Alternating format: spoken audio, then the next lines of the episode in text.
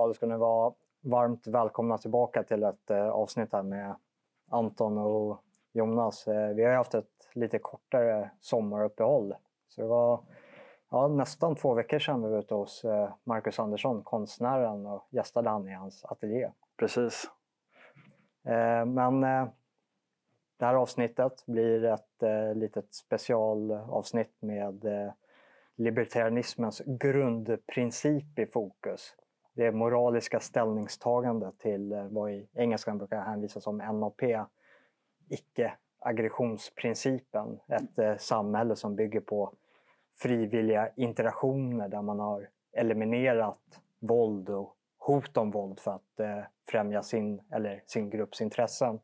Just det. Och det bottnar väl i att vi har, faktiskt har fått en lyssnarfråga Ja, just på det temat. Ja. Och det är där, om ni vill att vi ska ta upp något speciellt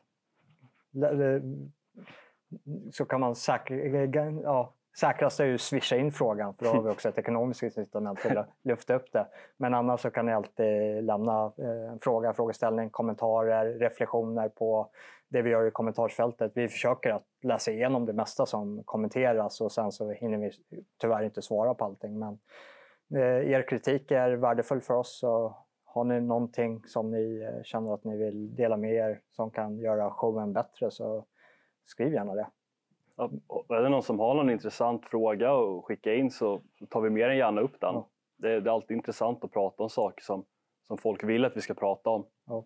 Eh, sen vill jag säga att det, det går väldigt bra för kanalen just nu. Eh, vi har fått in eh, en hel del donationer. Vi gick ut och skaffat ett bitcoinkonto. Det har trillat in lite bitcoins. Tyvärr inte i, i heltal, det är fortfarande 0,0 någonting men bitcoinvärdet är så pass högt så det är ändå några tusen då som finns i bitcoin. Så ni får, om ni vill fortsätta bidra till verksamheten så får ni jättegärna göra det. Och, eh, utav de donationer som har kommit in så har vi köpt lite ny utrustning som är på väg, eh, på väg in till studion. Då. Så vi spelar fortfarande in på gamla kameran just nu men eh, vi kommer hämta ut en, eh, en ny GH5 Lumix eh, systemkamera som är gjord för eh, filmskapande här i veckan.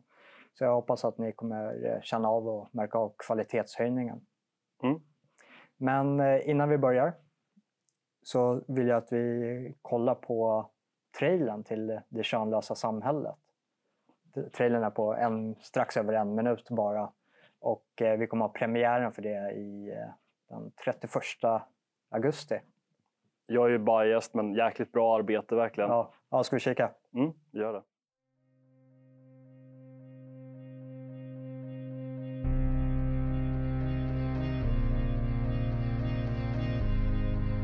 Har ni några sådana barn här som är könsöverskridande? Ja, absolut. Det har vi. Det är så här det ser ut på Sveriges förskolor i bred bemärkelse. De sex, sex, sju åren, första åren är de absolut viktigaste som lägger grunden till hur du blir som människa. Och när börjar ni med barnen här? Vilken ålder är de? Ett. Det är inte bildning eller utbildning som åsyftas. Det är formandet av den nya medborgaren. Jag gillar inte hjärntvätt.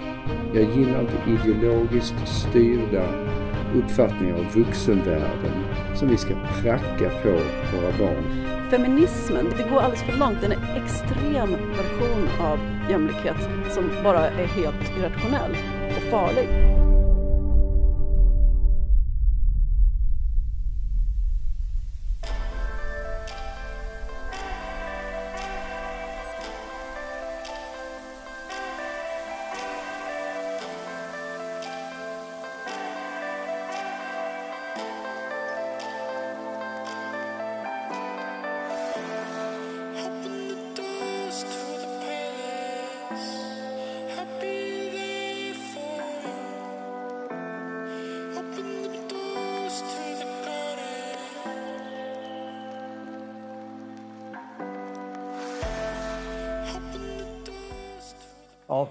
Vi, hade ju som sagt en tittarfråga som vi tar som utgångspunkt till, eh, till den här podden. Och eh, det handlar ju om eh, den här grundprincipen som är egentligen ett moraliskt ställningstagande över vad som skapar ett sunt och välfungerande samhälle. Och det är den här icke-aggressionsprincipen. Men innan, innan vi kanske går in lite mer på det, jag tänkte bara höra med dig Anton, vad har du för relation till eh, libertarianismen eller klassisk liberala tänkare som kanske John Locke som brukar anspelas som och var den amerikanska konstitutionens eh, filosofiska förfader? Jag har en ganska lång relation till liberalismen. Ja, Eller förlåt, libertarianismen.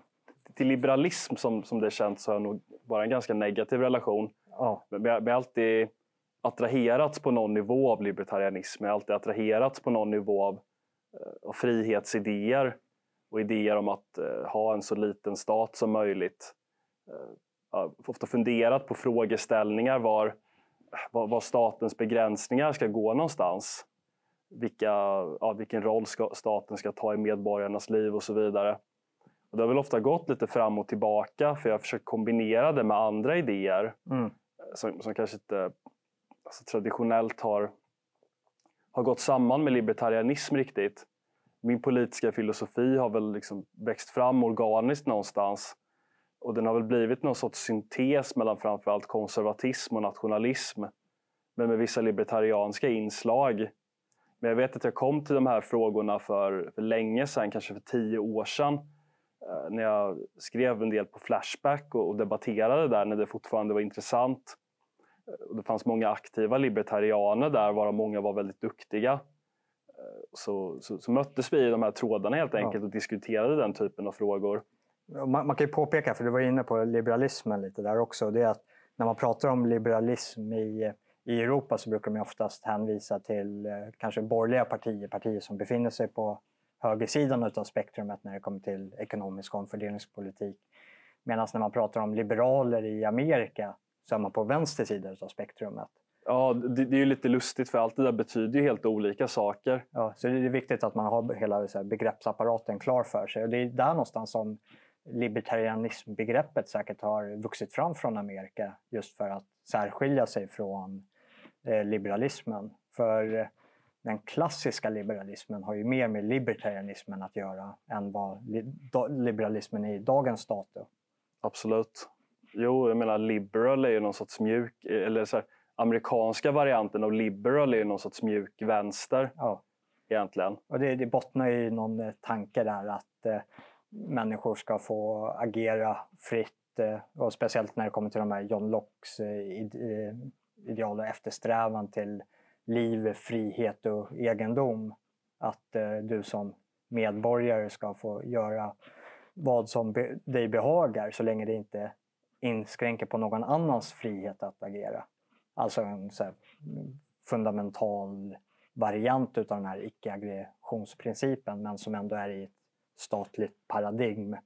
De här renlevnadsmänniskorna till libertarianismen som eh, höjer icke-aggressionsprincipen till skyarna vill ju avlägsna även staten på grund av att staten per definition inte är en frivillig interaktion och därmed innehåller då hot om våld via våldsmonopoler för att till exempel få in skattemedel för att finansiera det som finansieras bör. Och sen finns det väl olika spektrum där inom libertarianismen från allt från nattväktarstaten till eh, ja, klassisk liberala här i Sverige.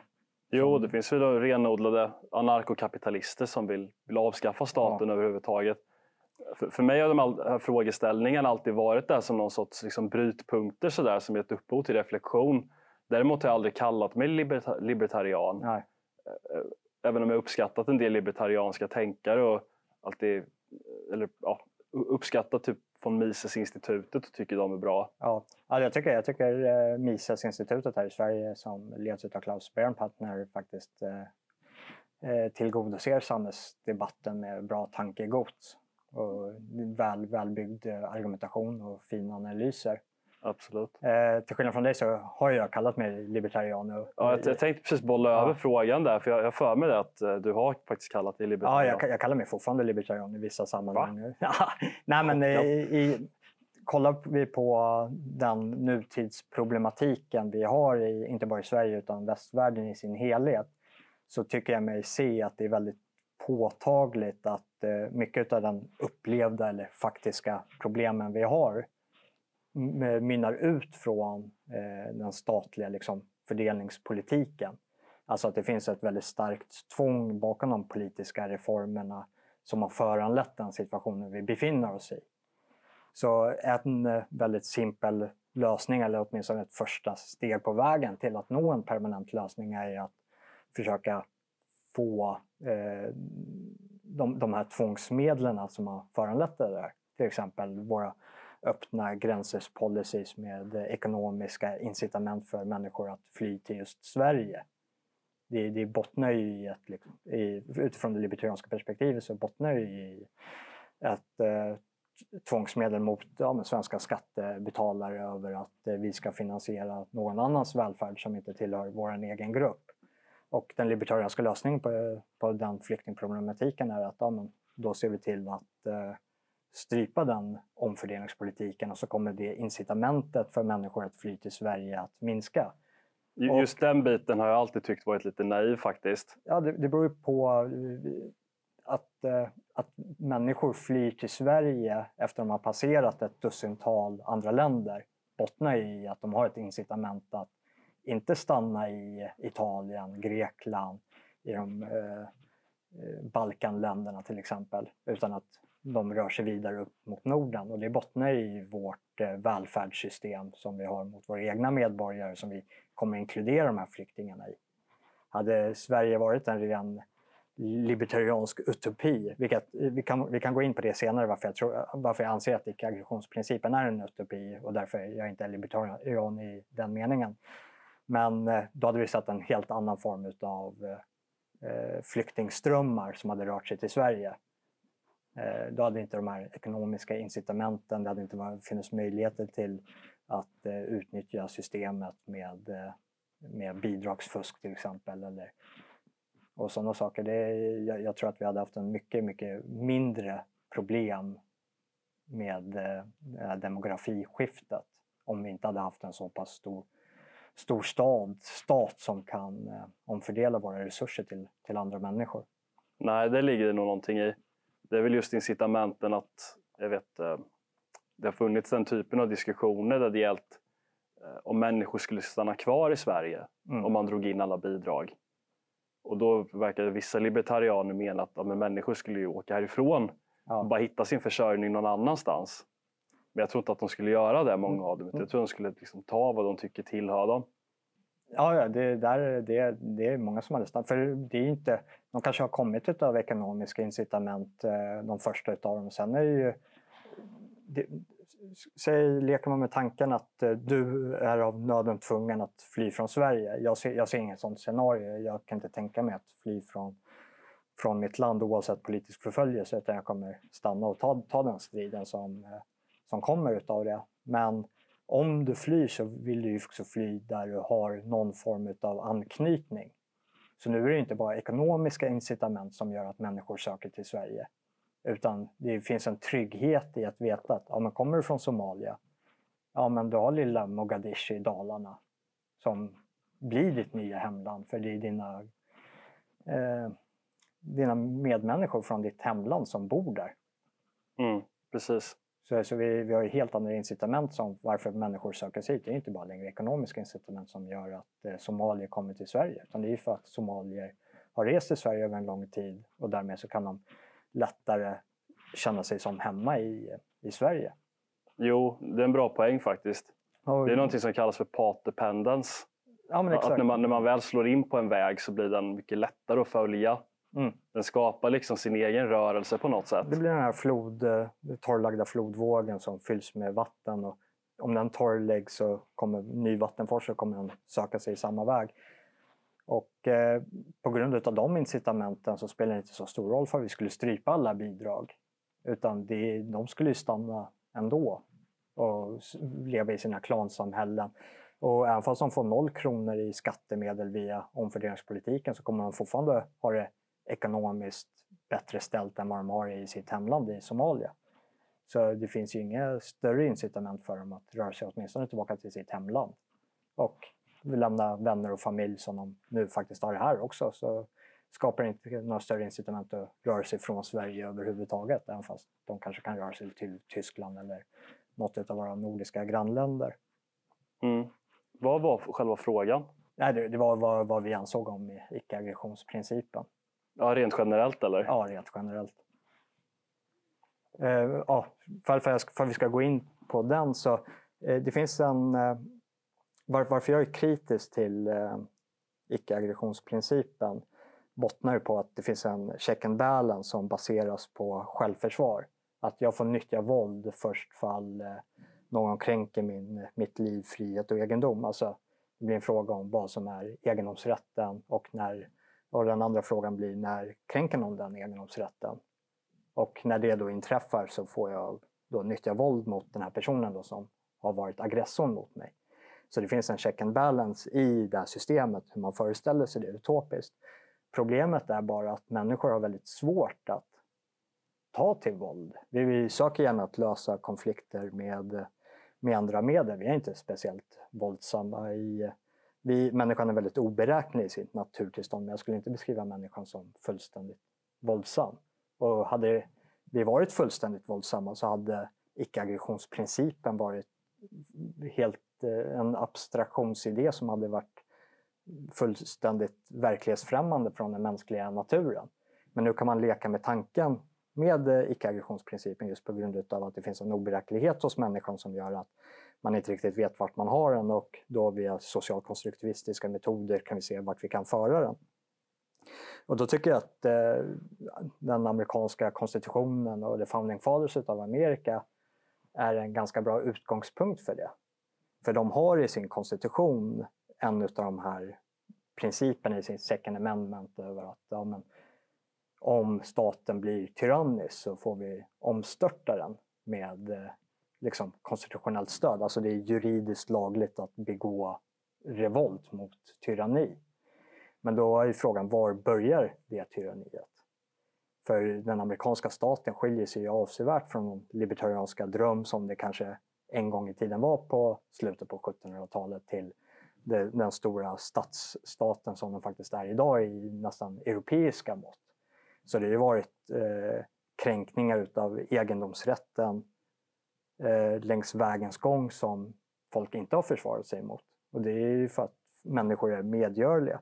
Och tänker man sig då det här tankeexperimentet i en libertariansk utopi, för vi tar det som liksom utgångspunkten istället, för man nu kan rikta kritik mot att det finns andra incitament utav för starkt hot om våld från den samlade amerikanska pöbeln som gör att den egna självbevarelsedriften inte har gjort att man har eh, bekämpat de här reformerna med hjälp av second amendment och rätten till att eh, forma miliser. Så har vi en eh, libertariansk utopi, ett samhälle som bygger på frivilliga interaktioner och eh, säg till exempel att vi kommer överens i vår bygd över att eh, vi, vi går samman i en pott med lite frivilliga donationer för att hjälpa de utslagna i det här området. Det, utgångspunkten är att det existerar ett regelverk. Och det regelverket kan ändras beroende på omständigheter som kommer in som ändrar de förutsättningarna för att det här regelverket ska gälla. Och eh, i och med att icke-aggressionsprincipen är ett eh, moraliskt ställningstagande så betraktar jag de här omständigheterna som kom, kan komma in och ändra förutsättningar för regelverket ur ganska nietzscheansk synvinkel över att den eh, moral som existerar, visst det finns en objektiv moral, vi kan säga att vissa saker är objektivt identifierbara fel. Men varje enskilt tillfälle som uppstår har också ett tolkningsföreträde över eh, hur man ska applicera sin moral på det här. Och I den här frågan så blir det problematiskt över vem är det som är aggressorn och mot vad. Så säg att vi har gått med på frivilliga donationer för att hjälpa utsatta i, eh, i det här området. Och sen eh, tiden går och det har nästan blivit att ja, man, pyntar in och sen är det någon som bara väljer att inte göra det. Jag, jag, min kännedom av människan som väsen så vet jag att det kommer finnas människor i det här samhället som kommer mena på att den personen som vägrar bidra till de här utsatta som man har gått samman för att hjälpa, att det är faktiskt en aggression mot dem. Mm.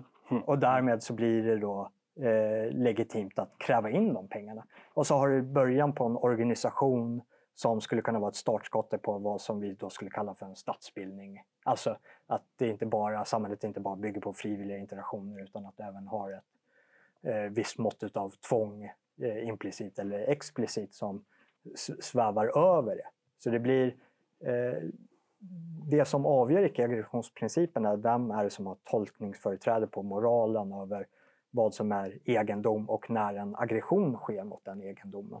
Och det är väldigt oklart. Jo, det kan jag verkligen hålla med om. Och det, det blir speciellt oklart för man säger så här att äger jag mitt välmående? Om jag äger mitt välmående och det är någon som eh, sänker mitt välmående, vilket är en aggression då mot mitt välbefinnande, så har jag då en rätt att försvara mig mot det enligt icke-aggressionsprincipen. Men då är frågan, Vad skulle, skulle någon räkna det? Finns det inte någon typ av kriterier för vad icke-aggressionsprincipen är och vad den inte är? Ja, alltså det, Alltså, de, de det- pratar ju om liksom eh, faktiska egendomar. Alltså det, men jag menar ju på, jag blir hellre rånad på min faktiska egendom. Jag blir hellre rånad på min dator, på min mobiltelefon, på mina pengar än att jag blir rånad på mitt välmående. Jag skulle säga att om någon, om någon tog alla de grejerna ifrån dig, Ja, skulle ditt välmående sjunka också? jo, det skulle det. Men mitt välmående i det här samhället där jag faktiskt, jag har aldrig blivit rånad i det här samhället. Eh, det är den enda som har kränkt eh, eh, icke-aggressionsprincipen mot mig i vuxen ålder. Eh, det är klart att när man växte upp i, i det här mångkulturella samhället där det finns mycket Eh, gruppdynamit och friktioner att det här är ju en princip som kränks ständigt, speciellt på, i, i den svenska kommunala skolan. Den enda som har kränkt eh, den här icke-aggressionsprincipen mot mig i vuxen ålder är ju staten via skattemedel.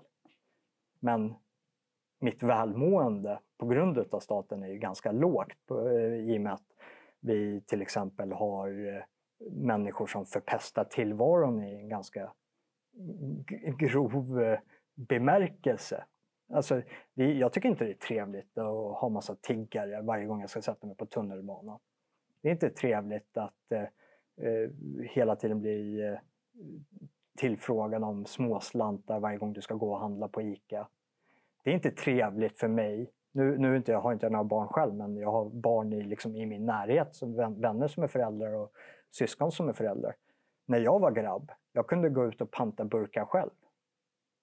Det, det, det kan man inte, för det finns en, liksom en konkurrenssituation som inte kränker aggressionsprincipen om, under förutsättningen att ICA-handlaren tillåter de här människorna vara där och panta sina burkar också. Vilket de ju alltid gör. Ja, det, det finns ju, du kan inte lämna ifrån dina barn på samma sätt som du gjorde förut. Och det, det är en extrem kränkning utav eh, vårt välmående i kollektiv mening utan att för den delen skulle att icke-aggressionsprincipen måste ha kränkts. Nej, precis. Man brukar ju skämta väldigt mycket på nätet om libertarianism. Ja, Då brukar man ofta hänvisa till någonting som kallas för the local Mac warlord. ja det. Ja. som är den kraft som tar över när staten har försvunnit och det inte finns några riktiga begränsningar längre.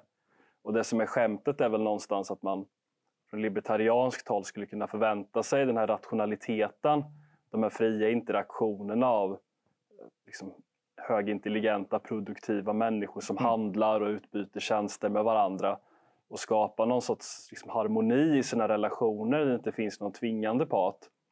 Men istället uppkommer den här local McWarlord som köper upp all mark och som beter sig eh, oproportionerligt att typ eh, ja, just nu där, där jag bor så, är det, så håller de på och borrar på innergården av någon anledning. Man skulle kunna säga att det sänker mitt välmående för de börjar där framåt morgonkvisten och håller till ganska sent på kvällen. Om, om jag gjorde någon sorts så här helt galen tolkning av icke-aggressionsprincipen skulle jag kunna kasta ut en handgranat på dem. Ja, det är lite så den memen är. Att Ja, just just eh, folk som eh, attackerar eller gör sig lustiga mot libertarianer och icke-aggressionsprincipen så är det just det här oproportionerliga självförsvaret mot en aggression. Typ, Att eh, det, det är någon som råkar snedda över din tomt och därmed så har de liksom gjort en aggression mot din tomt över att de har beträtt dina ägor och du väljer att svara med en taktisk nukleär bomb på, på deras område. Ja, men typ så här, när, din när din granne klipper gräset så här, två grässtrån flyger över på din tomt. Så det är så här, ta ditt JAS Gripen-plan och spränger hans hus i små bitar. Och det, det är det som är lite så här, för i tankeexperimenten när man pratar om så här spelteori så finns det ju någonting som kallas för tit for tat. Alltså, du är beredd att spela boll så länge personen i fråga du spelar med spelar boll. Men så fort den bryter mot reglerna så bryter du mot reglerna också. Och det är väl där någonstans eh, den libertarianska synen för samspelet finns någonstans. Att ja, men vi båda vinner på att vi spelar boll. Och om någon bryter mot reglerna, alltså eh, nyttja våld för att främja sina intressen eller få som den vill eller använda det som en maktpåtryckningsmedel, ja, men då svarar vi med, med samma sak. Och det, det är ju där någonstans våldsanvändningen finner sin rätt i, i det mänskliga tillståndet över att ja, men, vi lever i ett civiliserat samhälle där vi har vissa regler och, men det som säkerställer att reglerna efterföljs är det underliggande hotet om, om våld. Att det kommer med konsekvenser utav att någon bryter mot reglerna. Men, men det är ju inte bara det. Och det är det som är viktigt att Ja. säga. Jag kommer att tänka på någonting Gramsci sa. Att staten ska vara som en kentaur. Till Mm. hälften, eller en minotaur till och med. Till hälften människa och till hälften bäst. Ja, Och bästen i det här fallet, det är ju det underliggande hotet om våld. ja, Som alltid finns där. Men, men den mänskliga delen, det är ju det man skulle kunna kalla den kulturella biten.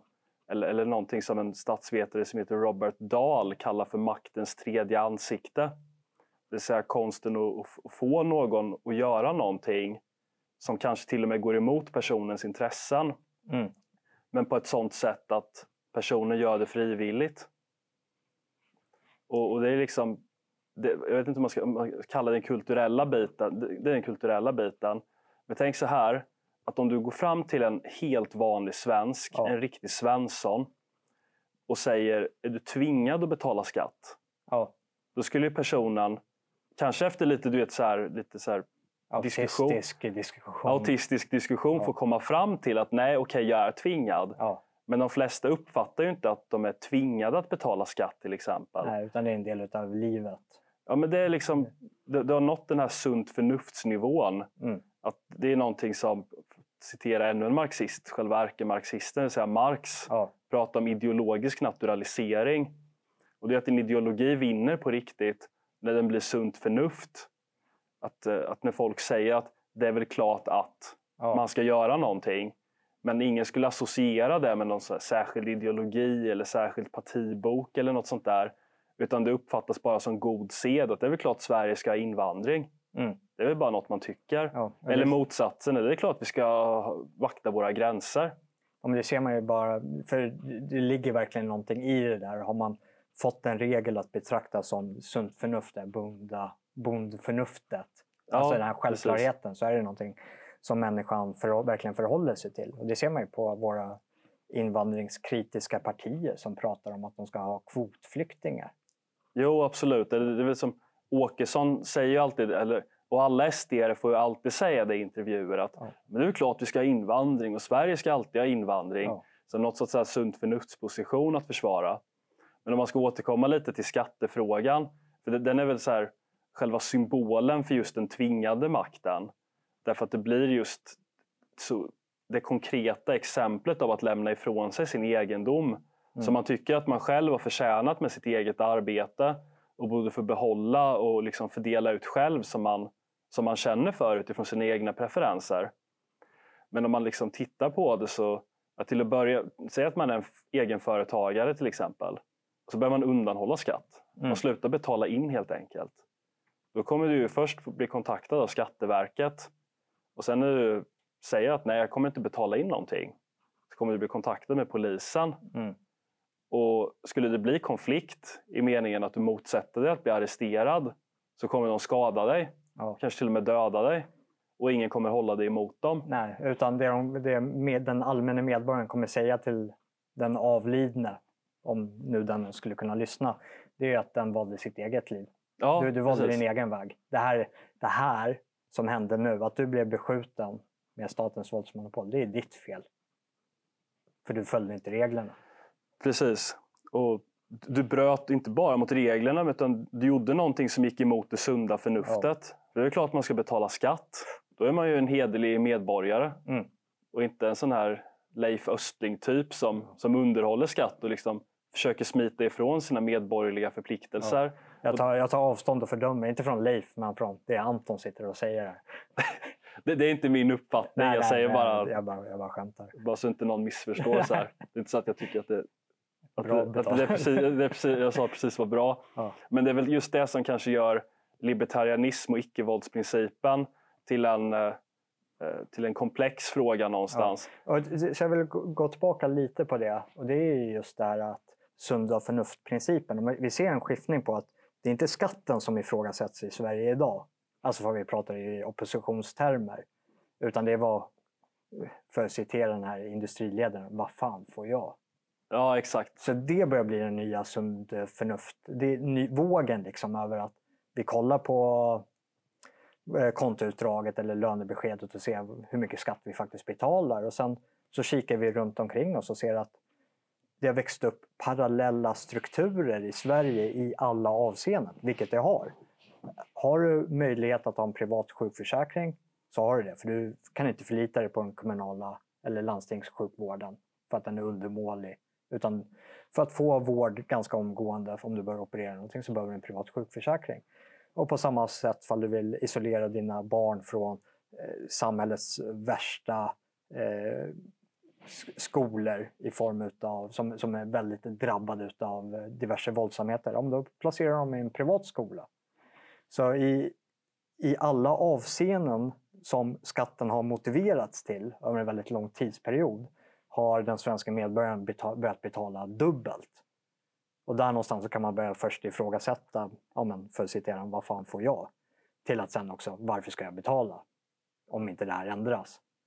För det är ingen som vill betala dubbelt i, i de här avseendena. Nej, jag, jag tycker det där är faktiskt en så här intressant ingång till en annan diskussion också. Mm. Just för att ofta när man pratar om just den här typen av frågor så är det lite som att man kan göra en uppdelning mellan en egentlig anledning och den, en formell anledning och en viktig an, eller en, förlåt, en verklig anledning. Och den formella är ju vad folk säger. Mm. Så finns det en verklig som är vad de menar. Och när folk klagar på att skatten är för hög så är det kanske inte skatten utan det är som du säger, vad får jag för pengarna? Mm. Man upplever att Sverige går i fel riktning. Ett annat bra exempel det är ju politikerlöner. Ja, Jag menar, vem bryr sig egentligen ifall en riksdagsledamot får ut 45 000 efter skatt? Liksom. Det är ju försumbart. Utan det folk är missnöjda med, det är ju deras prestation. ja. Att de är dåliga, att man upplever att de inte gör någon nytta för pengarna, att man inte ska belöna så inkompetenta människor. Nej. Det är liksom inte pengarna i sig. Så här, det är inte som att Det, det är ju lite därför också jag tror varför libertarianismen är lite på frammarsch. För man ser de här politikerna verkligen som att de är en kontraproduktiv kraft till hela samhällskroppen. Att Ja, ja, Sverige men hade fungerat bättre om Rosenbad bara tog ledigt ett tag. Ja, det Ja. gjorde de ju. Det, det gör de, eller det gör Ja. de ju nästan där. Vi, det var ju som eh, senast när eh, vi inte kunde komma fram till, eller vi, de Ja. inte kunde komma fram till en regeringskonstellation. Ja. Då, då låg ju allting i lä i flera månader Mm. och ingen märkte någonting.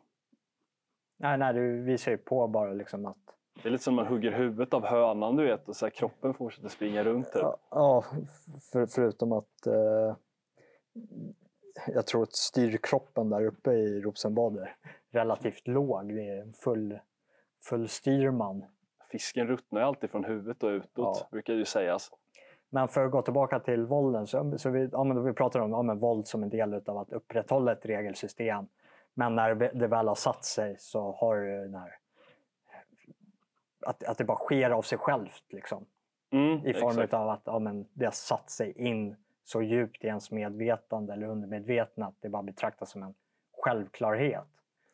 Men, men då är ju också våld i, speciellt i ett mer mänskligt naturtillstånd från liksom, eh, man inte, det är också en sån här, för du skulle fråga en va- vanlig svensk medborgare idag om våldsanvändning för att främ, främja dina intressen så skulle det vara någonting som är fullständigt oacceptabelt och helt otänkbart. Men det är ju någonting som har funnits eh, i den mänskliga evolutionära historien ända sedan liksom ruta ett. Att du löser dina problem genom att slå på problemen. Ja, är, är du absolut. hungrig så går du ut och dräper ett djur och äter dig mätt. Då. Och det är här som eh, också gör att eh, den här libertarianska drömmen utav icke-aggressionsprincipen också kanske kan ses som en utopi. Och det är att människan är också en, vi är en moralisk varelse. En av få på den här jorden som kan faktiskt ta de här besluten baserade på empati och sympati och ha en betraktelse till vad som är rätt och fel. Men vi är också en överlevare. Om du är, går hungrig och du kunde inte följa det där bytet och föda dig och din familj. Men jägaren bredvid dig hade precis gjort det och han tänker inte dela med sig av maten. Det finns en ganska stor risk att du ger dig på han för att ta maten och föda din familj på bekostnad av hans familj. Absolut. Och det, det är så här, det, det är en utopisk tanke att eh, den här jägaren skulle ha delat med sig av maten om det är så att maten räcker till att föda en familj. Och så är det två familjer som ska dela på det. Antingen dör alla i en långsam svältdöd eller så är det en familj som överlever. Och det är det hårda, karga klimatet som har föranlett civilisationen. Det var, det var så det var innan vi blev civiliserade. Och det är någonting som fortfarande finns kvar. Så länge vi, vi kan leva i ett materiellt välstånd så kanske det inte är något större problem. Men vi, det det är det som är problemet när du sätter upp regler över att du vet inte hur omständigheterna kommer ändras. Vilka katastrofer vi har framför oss. Så visst, vi kan sitta här och säga nu att ja, men vi ska efterfölja icke-aggressionsprincipen. Men om det kommer till sin spets så kommer jag bryta mot den för att säkerställa överlevnaden av mig själv och det som jag betraktar som mina på bekostnad av någon annan. Det är det, det, det karga mänskliga naturtillståndet som är, är ofrånkomligt. Jo, men det är, det är därför de frågorna aktualiseras ju aldrig i Nej. ett modernt samhälle. Just det blir som du säger att det finns ju så mycket resurser att den här typen av konflikter aldrig uppstår. I alla fall inte på våra breddgrader. Nej, men- det men det, det, är det jag menar. på- men ja. det, det är klart så här, det finns andra samhällen där den här typen av saker kan Ja. hända. Kanske inte riktigt på det primitiva sättet att man bråkar om rådjurskadavret liksom. Nej. Men definitivt när det gäller omfördelningsfrågor och konflikter mellan grupper. Ja, ett, ett tydligt exempel, vi har ju faktiskt inte pratat om konflikten nu, eh, eller på den här kanalen överhuvudtaget, men det är Israel-Palestina. Mm. Det är, eh, landterritoriet är uppenbarligen inte tillräckligt stort för båda parter. Nej, Och ja, hur, hur löser de det? Jo, de löser att eh, den ena sidan vinner på bekostnad av den andra. ja, kärvt sammanfattat. ja, men det, blir- det, det, det, blir, det, det, det är där någonstans det landar. att eh, när förhandlingsprocessen eh, inte når längre och eh, ingen av sidorna är beredd att ge vika eller kompromissa. Ja, men då är det den som har förmågan att behålla det den redan har tagit eller som har förmågan att ta det den vill ha trots att den motsatta parten motsätter sig. Och då har vi också en ockupation av Golanhöjden till exempel. Som bottnar enligt den principen istället för icke-aggressionsprincipen. Ja, just det. Fanns det inte en motsatt princip? Ja, ja, Tap, men det- the ja, aggression principle. Så, så, så det den betraktelsen skulle man ju då kunna kalla, istället för NAP så kan man ta, ta TAP, TAP, the aggressional principle. Att eh, saker du har vilar på din förmåga tillsammans med andra att faktiskt behålla det mot någon som skulle önska ta det utav dig med, med våld om de så vill. Och eh, då är väl Israel och Palestina ett ganska bra exempel på för att vi ska lyfta oss från rådjuret för eh, 200 000 år sedan till eh, den civiliserade världen och över vem, vilken grupp människor som ska leva på ett eh, bestämt eh, geografiskt territorium. Mm, precis. Men sen är det alltid den här andra biten också som man återknyter till, det här med Ja. tap. Det är just Det, det är roligt att tillägga att TAP också, det, det, dels är det ju en utklappning i eh, brasiliansk jiu och sen så är det också när du trycker på avtrycken. Ja, det, det senare kände jag inte till Ja. faktiskt. Nej, men eh, just det, det är ju inte bara, det är som vi pratat lite om innan, att det är inte bara hotet om våld utan det är Mm. även manipulation också. Jag kommer att tänka på hegemonibegreppet faktiskt. Mm. Också det från, från Gramsci. Men vad det egentligen innebär, för, för det används ofta ganska konstigt. Eh, som, eh, man brukar säga att USA har hegemoni i världspolitiken till exempel, eller att sossarna har hegemoni i det svenska politiska landskapet. Ja. Men, men så är det, det blir lite fel där, för, för vad man skulle vilja säga är egentligen att de har en dominerande ställning. Men det är inte riktigt samma sak. Utan hegemoni flyter lite samman det här med maktens tredje ansikte. Att människor gör saker som faktiskt är dåliga för dem, men utifrån fri vilja. Mm. Och jag sätter det inom citationstecken just eftersom det här inte är riktigt fri vilja utan det är utifrån någon form av manipulation. Ja. Utan det är från någon form av kulturella strukturer och normer eh, som faktiskt leder dig fel, som är dåliga för dig. Du, du, har ju en eh, juridisk term som eh, hela den romerska rätten vilar på som eh, Sverige, Sverige är en del utav. Och det är ju pacta sunt servanda, att eh, avtal är till för att hållas. Men det är också så att man måste kunna bryta avtal. Och eh, där någonstans så finns det en eh, grogrund för en eskalerande konflikt över vilken part är det som har rätt. Och där sätts ju också så här icke-aggressionsprincipen eh, utifrån vem är det som har, äger tolkningsföreträde till det moraliska över vem är det egentligen som är aggressorn. För det är, i de flesta, flesta krig så är det ju båda parter som pekar på motståndarsidan som, som den faktiska aggressorn. Ja, det, det går väldigt mycket fram och tillbaka. Ja. Men om man tittar ännu mer historiskt på samhällen genom mänsklighetens historia. Har det funnits något samhälle alltså som liknar ett organiserat samhälle? Jag menar liksom inte något så här litet kollektivjordbruk i, i Spanien på 1400-talet som Ja. omfattade 37 personer eller något sånt där. Utan ett faktiskt samhälle där det inte har funnits någon tvingande makt. Nej, utan jag tror att Eh, det närmaste man kommer i modern tid är väl liksom eh, sent 1700-tal i Amerika. Men det är ju så här nybyggarsamhällen, det var ju samma sak i Transvaal och fristaten i Sydafrika, att de var väldigt libertarianska i sin struktur med starka fria bönder. Och sen så tror jag att det hänvisas ibland till några av de här gamla italienska stadsstaterna under, under medeltiden. Men eh, det har ju alltid funnits en liksom, centralisering eh, kring vissa tvingande funktioner. Så det, det ja, st- stat per eh, definition, den här moderna staten, det är också så här, för att vi ska gå in på sunt förnuft-grejen, att man, man kan inte tänka sig ett samhälle utan stat, alltså den moderna staten. Att det ses som någonting som verkligen är självklart. Men det är ju någonting som växte upp eh, ganska nyligen över de här statliga strukturerna, över hur vi betraktar en stat. Men det, det man kan säga ur liksom en antropologisk mening, för vi ska prata politisk antropologi, är ju att det har ju, den, mänskliga eh, organiserandet är ju hierarkisk. Och inom en hierarki så kan det väldigt lätt också finnas tvång, antingen liksom utav socialt tryck eller faktiskt tvång. Antingen via att ja, men rättar du inte in dig i ledet så, får du, så blir du ostraciserad, alltså du får flytta från stammen.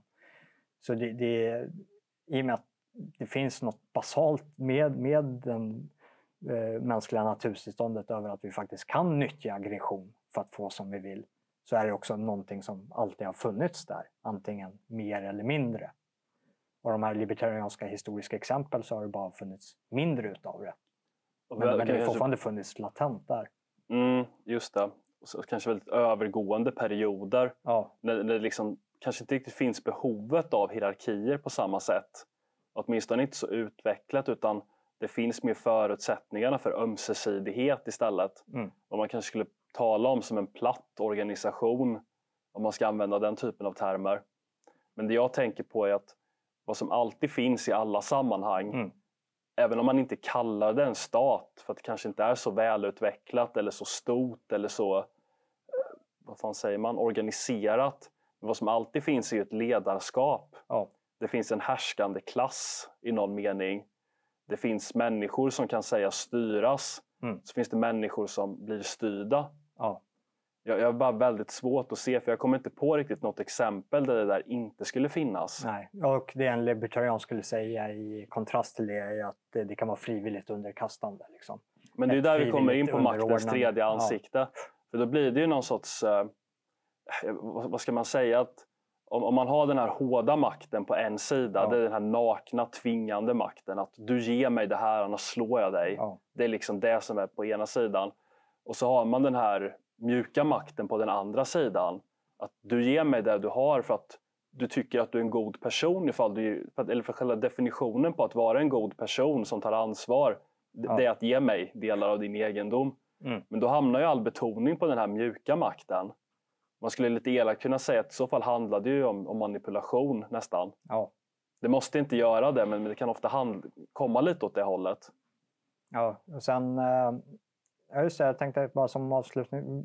Vi har ju sett, eh, det här var också det som jag skrev min eh, statsvetenskapliga examensuppsats om. Varför eh, libertarianer och det som har varit traditionellt den nationella rörelsen som har varit kanske lite mer åt det fascistoida hållet har närmat sig och överlappat. Och det finns ju en demografisk aspekt i det och det är att den anglosaxiska människan, alltså, eller västerlandet i kontrast till många andra eh, grupperingar, har ett annat frihetsideal.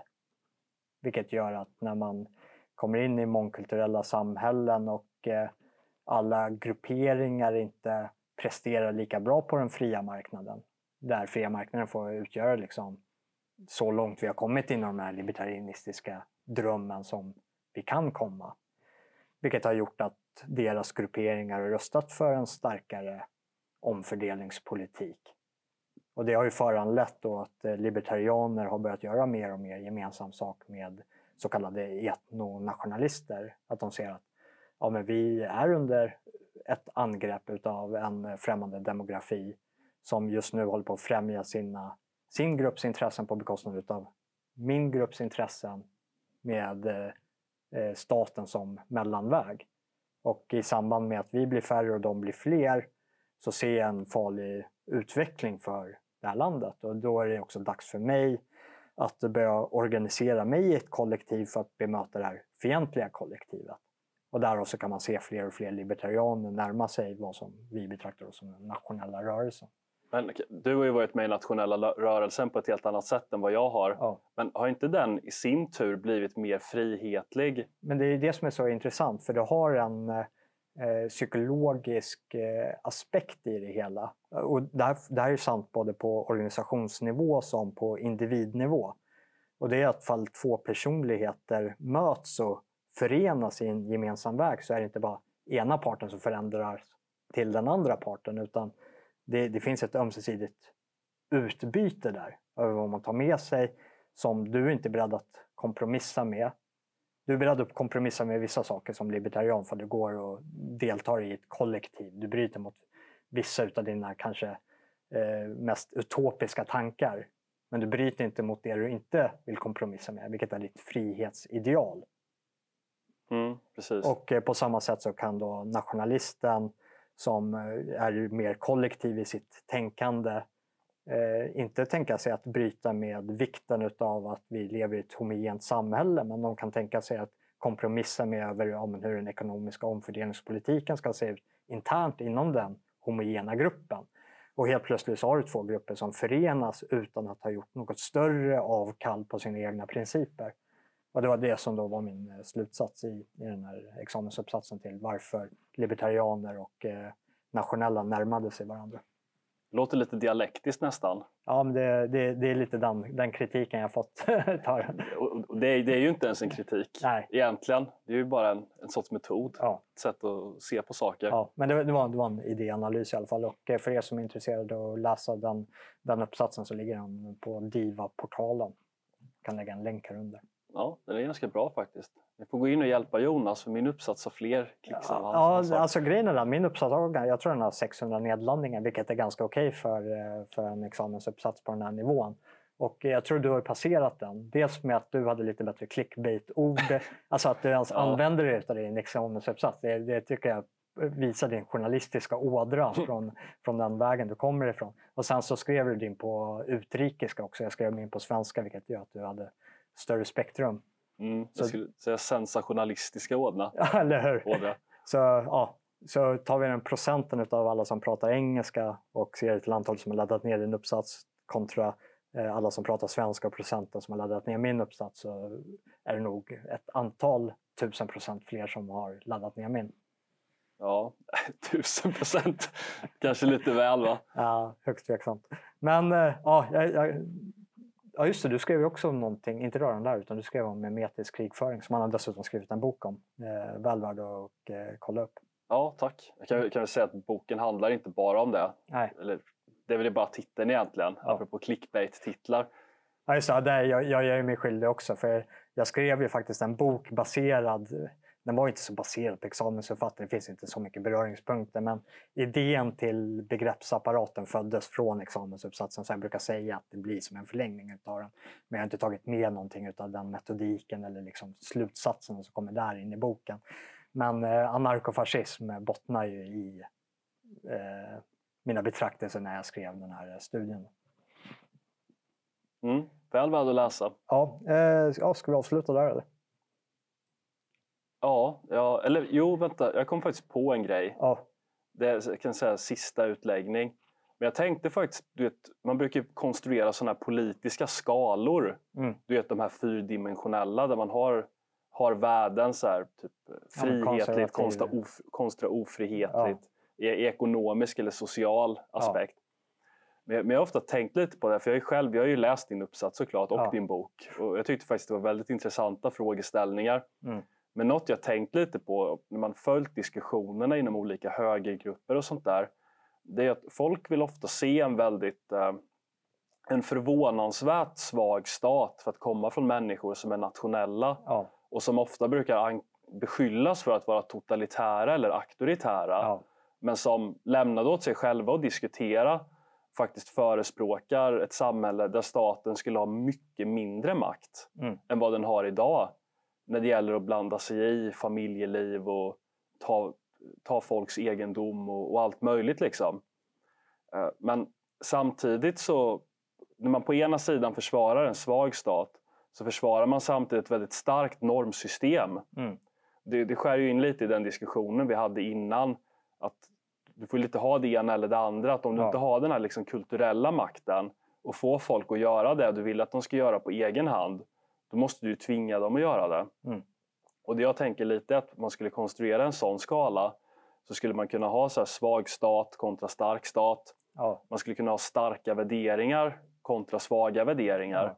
Jag tror faktiskt många på högerkanten av de som, som du och jag träffar, de skulle landa i ett läge där de faktiskt vill ha en svag stat, men å andra sidan en väldigt stark kultur Mm. som är liksom tvingande på sitt sätt. Ja. Jag tror att väldigt många vänstermänniskor skulle hamna i ett läge där de vill ha en stark stat. Att de vill att staten ska ha lika mycket makt som den har idag eller kanske till och med ännu mer. De vill lämna bort ännu mer av sin egendom till staten. De vill ha ännu fler av sina friheter inskränkta. Men de vill å andra sidan ha en betydligt svagare kultur där de får göra vad de vill utan att det ska finnas några liksom, normbegränsningar. Eller där har saker. ju socialliberalismen i sitt SE. Mm, Det är så här, värsta utav båda världarna. De tog det värsta utav de klassisk liberala principerna och det värsta utav socialismen och så möttes det i det här socialliberala monstret som kallas Sverige. men det, det är ganska intressant. Men det, men det finns två aspekter på, på lagen i den meningen. Ja, men dels så har vi kanske en lag eh, i, eh, dag i Sverige som inte riktigt korrelerar med eh, de normer som vi faktiskt har i Sverige över att ja, men den svenska medborgarna vill faktiskt inte ha den här mångkulturen och de här påtvingande institutionerna av att behöva skicka sin eh, barn till en skola där det har skett våldtäkter på toaletten och hela den biten. Där, där blir lagen väldigt tydligt påtvingande. Att du är tvingad till att göra det här mot din vilja oavsett om den viljan är artikulerad eller inte. Sen finns det ju en annan betraktelse på lagen och det är just att den, lagen är vad gårdagens normsystem var. Alltså att först så lever man och sen så institutionaliseras det och formaliseras i skrift över skrivna lagar.